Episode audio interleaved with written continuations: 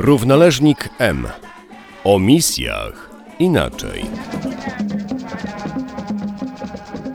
Witamy serdecznie w kolejnym odcinku naszego podcastu, w którym spotykamy się z naszymi misjonarzami. Dzisiaj naszym gościem jest brat Andrzej Kędziora, który od ponad 30 lat pracuje w Ganie.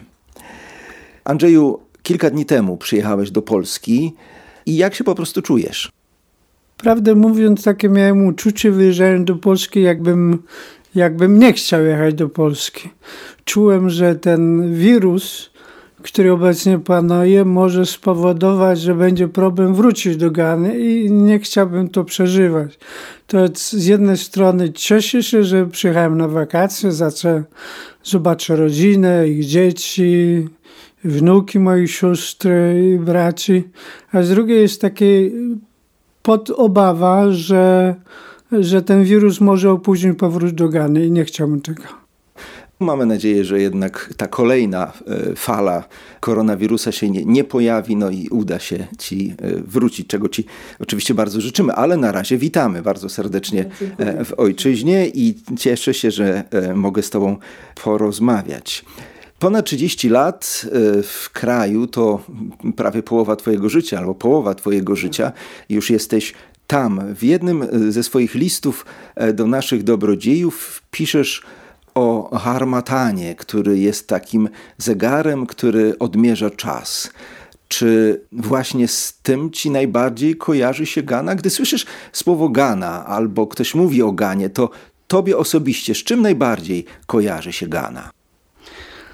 Zawsze z terenem, z ludźmi, których ja żyję, na codzienne życie takie nasze. Jendi, które było moją pierwszą parafią, bo musiałem wyjechać ze względu na ten konflikt międzyplemienny. No i potem Saboba. Gana to jest dla mnie ten teren, który najbardziej ja znam. Ludzi, z którymi mm, żyję. Pamiętam takich, którzy 30 lat temu nic nie mają. Dzisiaj są jedni z bogatych ludzi, dlatego że, że są bardzo zdolni. Mam znajomego muzułmanina, który do szkoły nigdy nie poszedł. Świetnie po angielsku mówi. Jeden z najbogatszych ludzi w miasteczku Jendi, a nigdy w szkole nie był. To są ludzie, do których moja pamięć zawsze wraca, wspomnienia, co żeśmy razem przeżyli w tym czasie przez te 30 lat. A co z tym harmatanem? Co to jest? Harmatan jest taki okres, gdzie niebo zaczyna się takie brązowe robić. Temperatura spada. Najniższa temperatura, jaka była w Indii, to było plus 16 stopni ale to jest taki czas dla nas, że jak się rozmawia, to jak u nas zimę, w Polsce zima jest, wychodzi taka para z ust przy mrozie.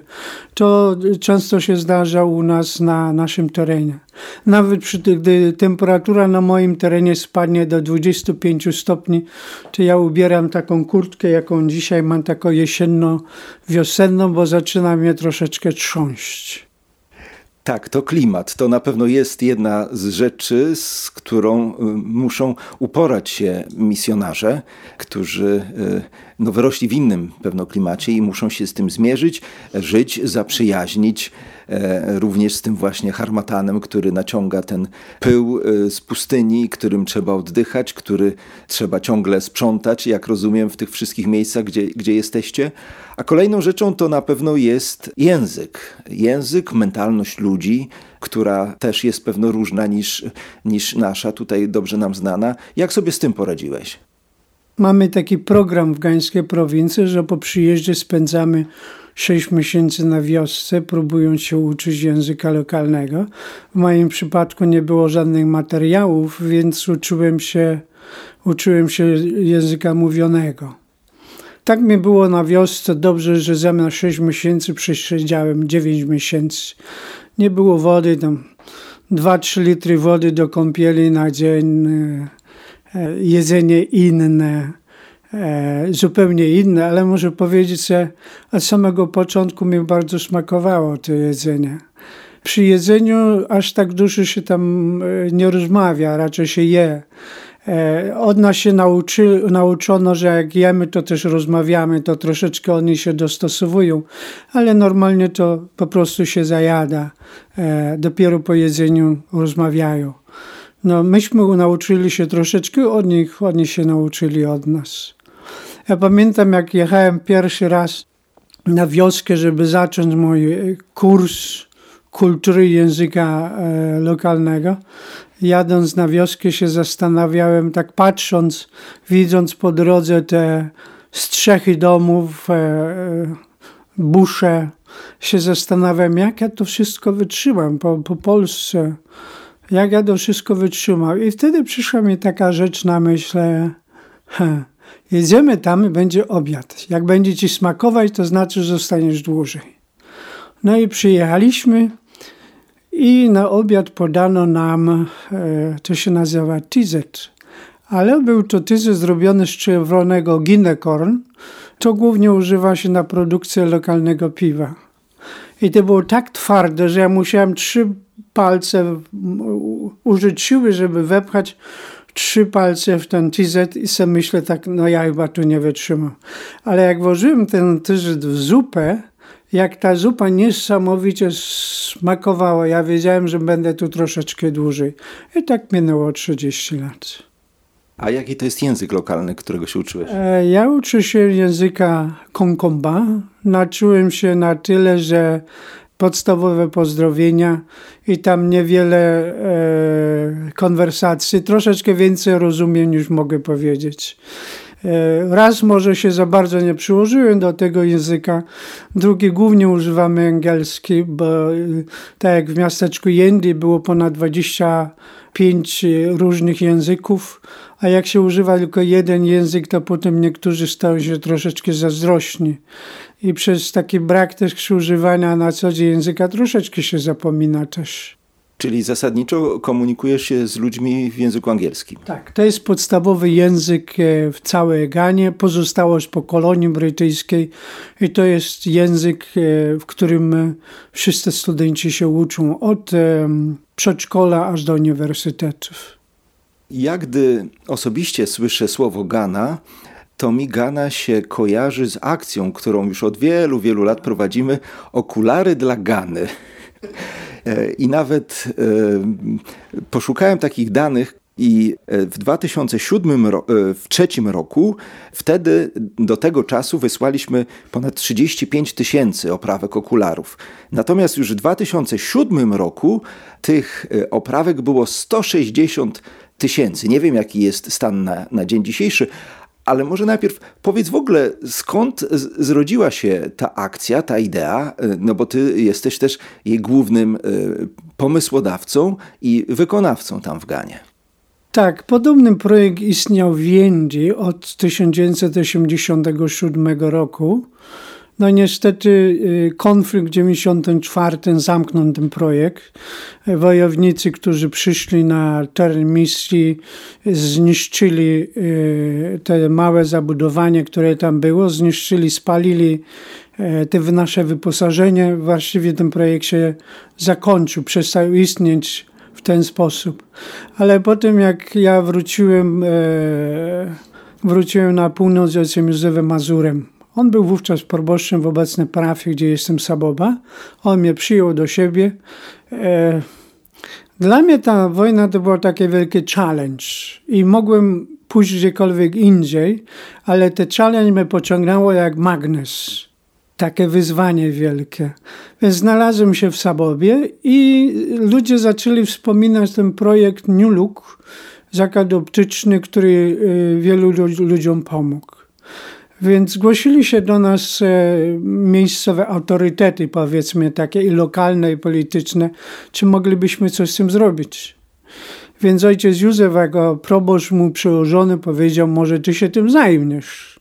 Na początku mówię nie, ale było mi wstyd, że odmówiłem mojemu przełożonemu. Po tygodniu poszedłem i mówię, słuchaj Józef, ja to wezmę. No to probo się ucieszył. I tak zacząłem, zacząłem zbierać, szukać. Nic o tym nie wiedziałem. Więc zacząłem szukać, zbierać. Znaleźliśmy podobny zakład w Dzelokopę, który później nam wytrenował dwóch techników. i dał nam pierwszą maszynę i kilkadziesiąt okularów, żebyśmy jakoś mogli zacząć. No ale to nie wystarczyło, więc zacząłem szukać. Dostałem kilka paczek ze Słowacji, z Czech. No i postanowiłem napisać do polskiej prowincji. Ojciec e, Gola wówczas pracował w biurze misyjnym, zarządzał tym biurem misyjnym. Napisałem z nadzieją, że dostanę kilka paczek. Potem to się to wszystko tak rozwinęło, przyszedł ojciec Dular, tam wielka akcja zrobiona. Nie miałem pojęcia, że ta akcja jest. Dopiero z czasem któryś z naszych wrócił z wakacji i opowiedział, jaka to jest wielka akcja. Więc zanim zamiast kilka paczek, jaką miałem nadzieję, przyszły dwa kontenery. Było parę maszyn do szlifowania okularów, mnóstwo okularów, oprawek, tych e, persys, te, te, te pudełka na, na przechowywanie okularów. To było niesamowite zaskoczenie dla wszystkich. I to oczywiście e, Polska prowincja, biuro misyjne Polskiej prowincji przyszło z wielką pomocą. Nie tylko wysłali te wyposażenie, ale również dali nam pieniążki, że mogliśmy opłacić wydobycie ze sportu e, i przywieźć do nas na północ, do Saboby. W międzyczasie, dzięki pomocy biuru misyjnemu, mojej rodziny, znajomych też, e, udało się zbudować dwa budynki. W jednym się znajduje tak zwany reflection room, tam gdzie sprawdzamy oczy i pacjentowi mówimy, jakie okulary może kupić. Drugi pokój jest e, szlifiernia do, do szkieł i trzeci pokój na taki magazynek, gdzie przechowujemy okulary E, przywiezione z Polski. Każde szkiełko jest osobno zapakowane, podpisane. To bardzo ułatwia naszą pracę. Drugi budynek to jest e, biuro i taki bardzo ładny pokój z, z łazienką i szafą budowaną w ścianę, to stworzyłem z myślą, że może w przyszłości uda nam się nawiązać jakiś kontakt z, z z Polski lub gdzie indziej i to byłby pokój, w którym ten wolontariusz by zamieszkał w międzyczasie w taki czy inny sposób by nam pomagał. Jak opowiadałem biskupowi, moim współbraciom, aż nie chcieli wierzyć, że to wszystko tak, tak ładnie szybko poszło. Ja to mówię, że to był, to był e, zapewne cud stworzony, zrobiony e, za wyproszenie świętego Arnolda, bo ja mu ciągle przypominał, tyś był werbista, ja jestem werbista. Tyś budował, nie miał pieniędzy, ja coś robię, nie mam pieniędzy, zrób coś z tego. I to wszystko tak powstało to już teraz rozumiem, dlaczego ta przychodnia okulistyczna e, otrzymała e, patrona właśnie e, najpierw błogosławionego, a później świętego ojca Arnolda Jansena, naszego tak. założyciela. Tak, tak, to były te, te początki. Zaczynaliśmy od człowieka, który nie miał nic, a zrobił przepiękną strukturę, i, i w której pracuje bardzo wielu oddanych ludzi. Przychodnia nosi nazwę New Look. To e, można rozumieć e, przynajmniej dwojako, albo, albo nawet na różny sposób. Jak ty to rozumiesz, albo ludzie, którym pomagacie, jak e, rozumieją tę nazwę? Może ja podam przykład, o którym pisałem parę lat temu. Przyszła pani, miała długi kijek, a na drugim kijku był starszy pan. No i przyszli do New Look.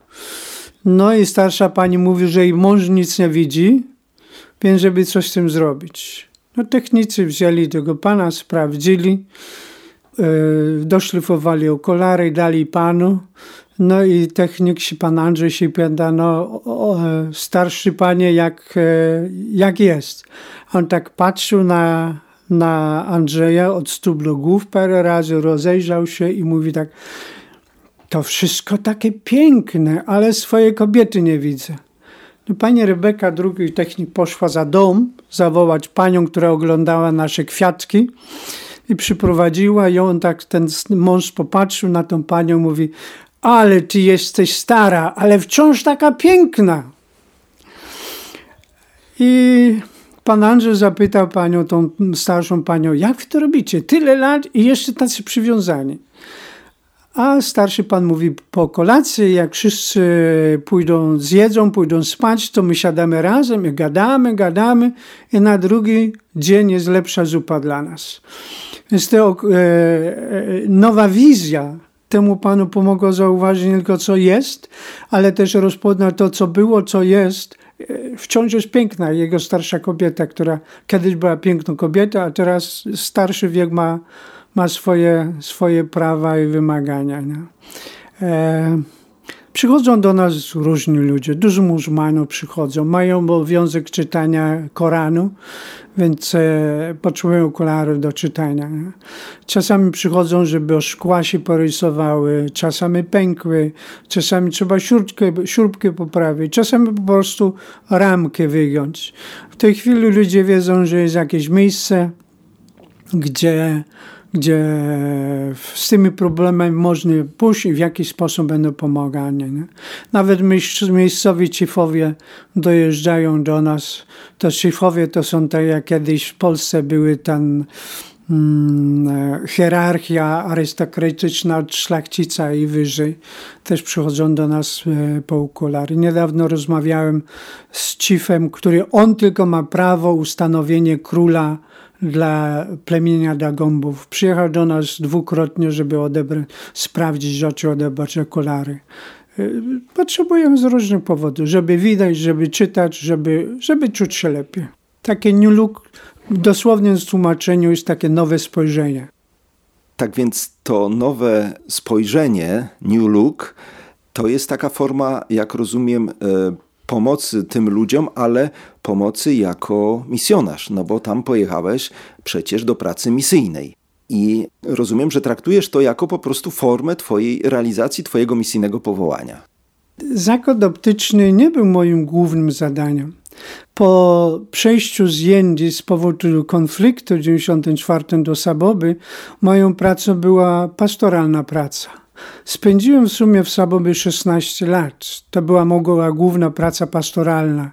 New Look, zakład optyczny, był dodatkowym, który powstał na prośby i wymogi, a jednocześnie stał się takim moim dodatkowym hobbym, gdzie czas wolny spędzałem w zakładzie optycznym.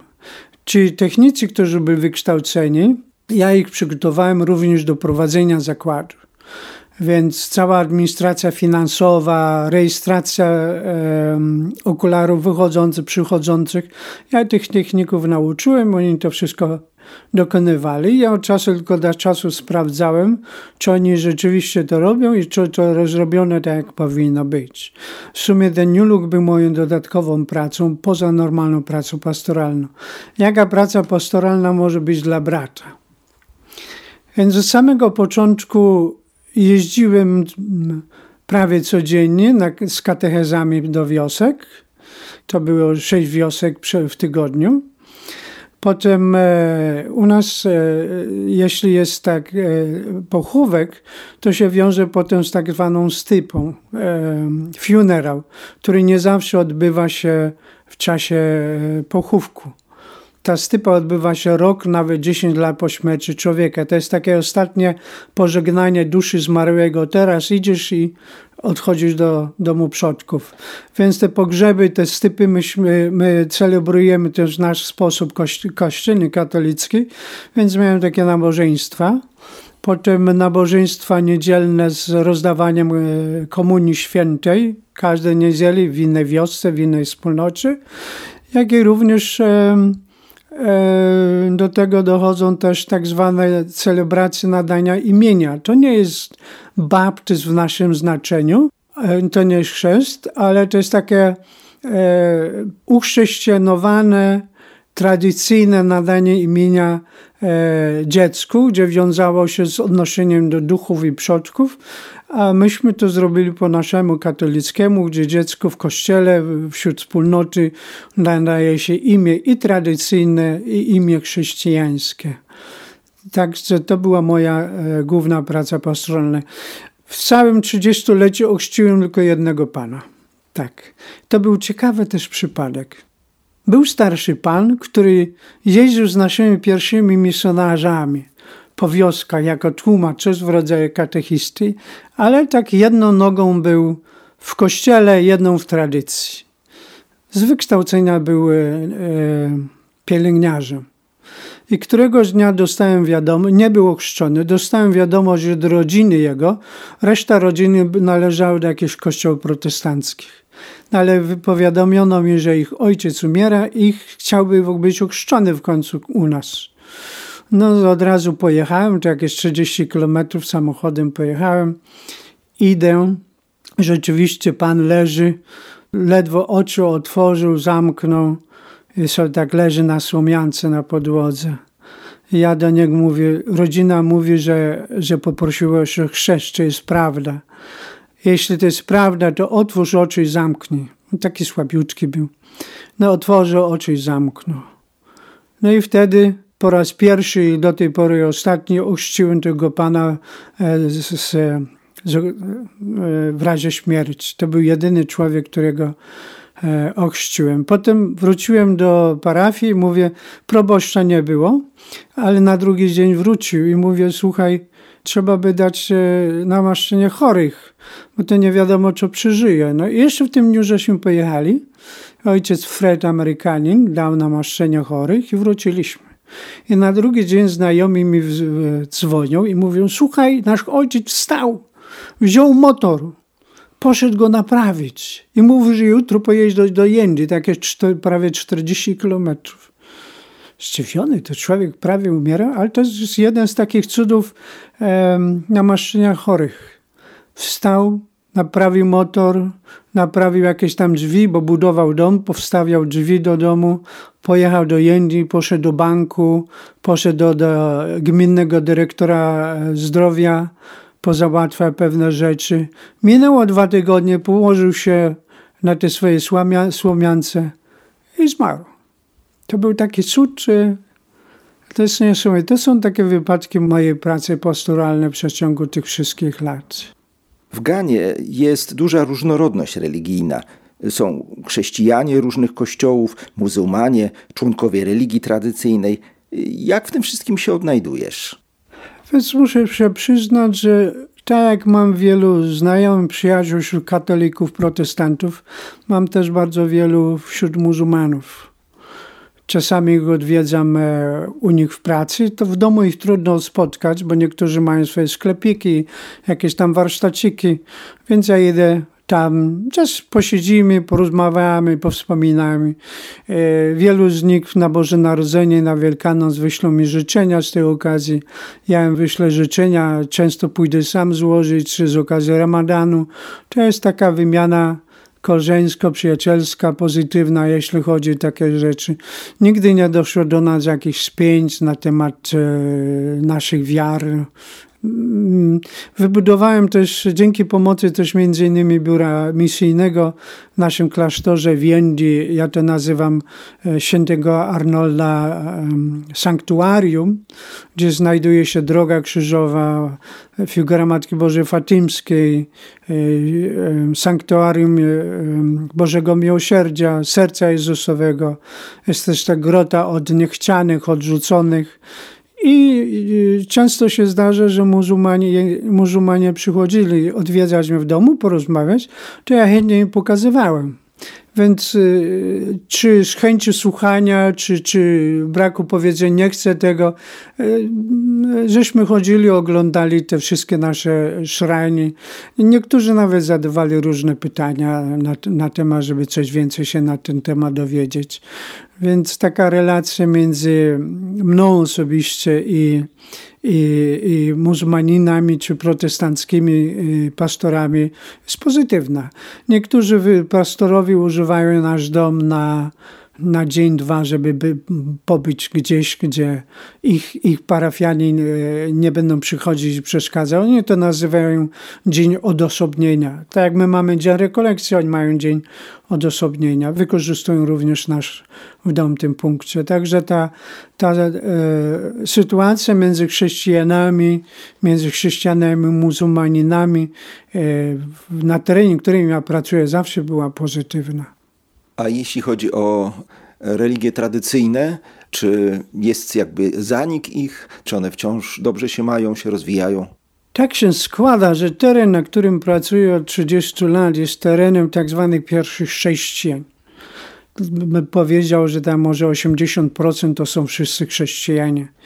Ale muszę powiedzieć, że e, ci, e, ci fetysze, e, czarownicy czy tradycyjni liderzy nigdy nie mieli z naszej strony żadnych problemów, nie mamy z ich strony problemów.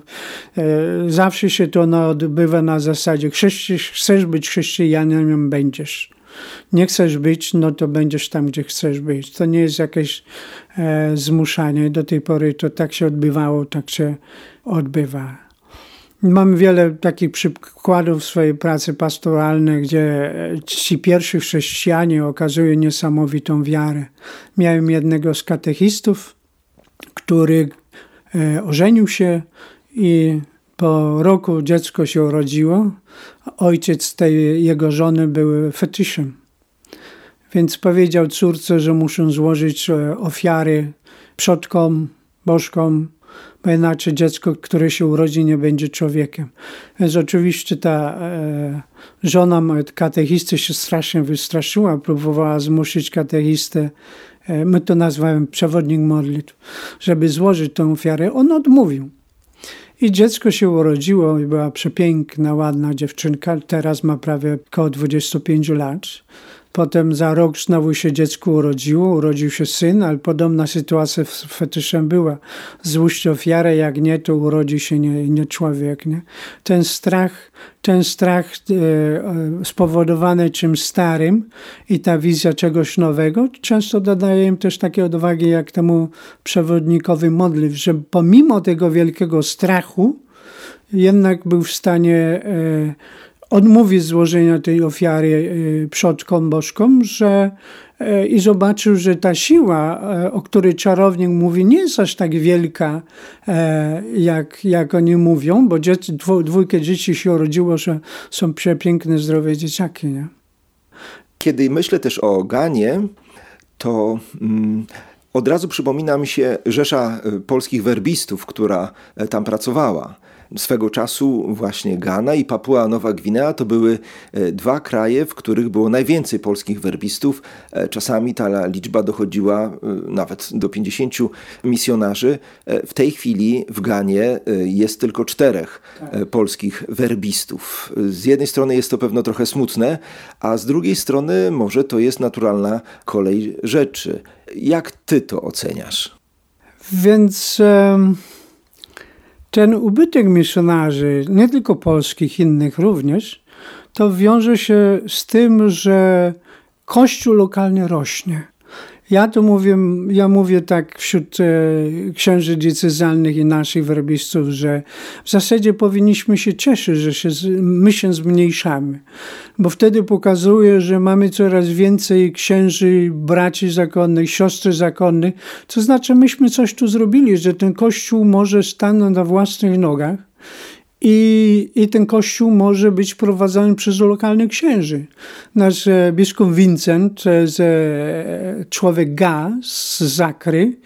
E, mamy w tej chwili kilkunastu księży z naszej decyzji Jendi, z wiosek, do których myśmy jeździli, poprzednicy nasi jeździli. W jednej z naszych parafii mamy dwóch prężnie pracujących e, księży, którzy wychodzą ze, ze zwykłej rodziny. Jednego księdza ojciec był katechistem, pan Sebastian, a drugiego ojciec był zwykłym rolnikiem. To był ten jeden z pierwszych chrześcijan. Wciąż pozostaje ten pierwszy, e, pierwszy katolik z tej całej, z całej wioski. Dla mnie to jest duży znak, że Kościół lokalny rośnie. I myśmy jesteśmy tam jeszcze w taki czy inny sposób potrzebni, ponieważ że troszeczkę jest mało tych księży jeszcze. E, nasze decyzji jest tak, że jeden ksiądz musi mieć dodatkowe funkcje, bo nie ma kto komu. Jeden jest proboszczem, potem jest e, odpowiedzialny za rozwój fizyczny całej decyzji, development koordynator i jeszcze jest e, kapelanem do, do takich e, matek chrześcijańskich e, w całej decenzji. Wielu tych księży dzieli kilka funkcji dodatkowo, że są, pomimo, że są proboszczami czy wikariuszami. No także zmniejszamy się, ale z drugiej strony pozwala to, że lokalny kościół rośnie. I to mnie bardzo cieszy. I owocem na pewno tego e, rośnięcia jest to, że ten kościół sam posyła już e, swoich misjonarzy. Myśmy w Polsce, tutaj w naszej polskiej e, prowincji, mieliśmy dwóch kleryków, naszych współbraci z Gany, którzy przyjechali do nas na formację. W tym roku przyjęli święcenia kapłańskie i jeden z nich zostaje w Polsce do pracy, no drugi wraca, wraca do Gany. Tak więc to też już pokazuje jakąś dojrzałość Kościoła, który już nie tylko tylko myśli o sobie, ale także myśli o innych. Tak, to prawda.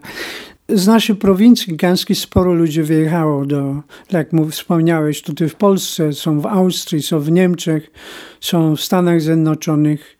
To tylko nasi werbiści, ale są inne zgromadzenia zakonne, brackie zgromadzenia zakonne, którzy wysłały też sporo współbraci, wielu współbraci do, do różnych krajów tutaj w, w Ganie. To pokazuje, że misjonarze, werbiści i inni w taki czy inny sposób byliśmy w stanie pomóc temu lokalnemu kościołowi wyrósł, że oni teraz rozkwitają, wysyłają swoich misjonarzy gdzie, tam, gdzie, gdzie brakuje. Drogi Andrzeju, myślę, że to e, piękne podsumowanie e, naszej rozmowy. Po to jest się misjonarzem, żeby e, w sumie nie trzeba było misjonarzy to taki trochę y, paradoks, prawda? E, żeby ten kościół lokalny się rozwijał, stawał na nogi, stawał się w pełni odpowiedzialny za siebie i odpowiedzialny z kolei za cały kościół powszechny. Taka jest naturalna kolej rzeczy.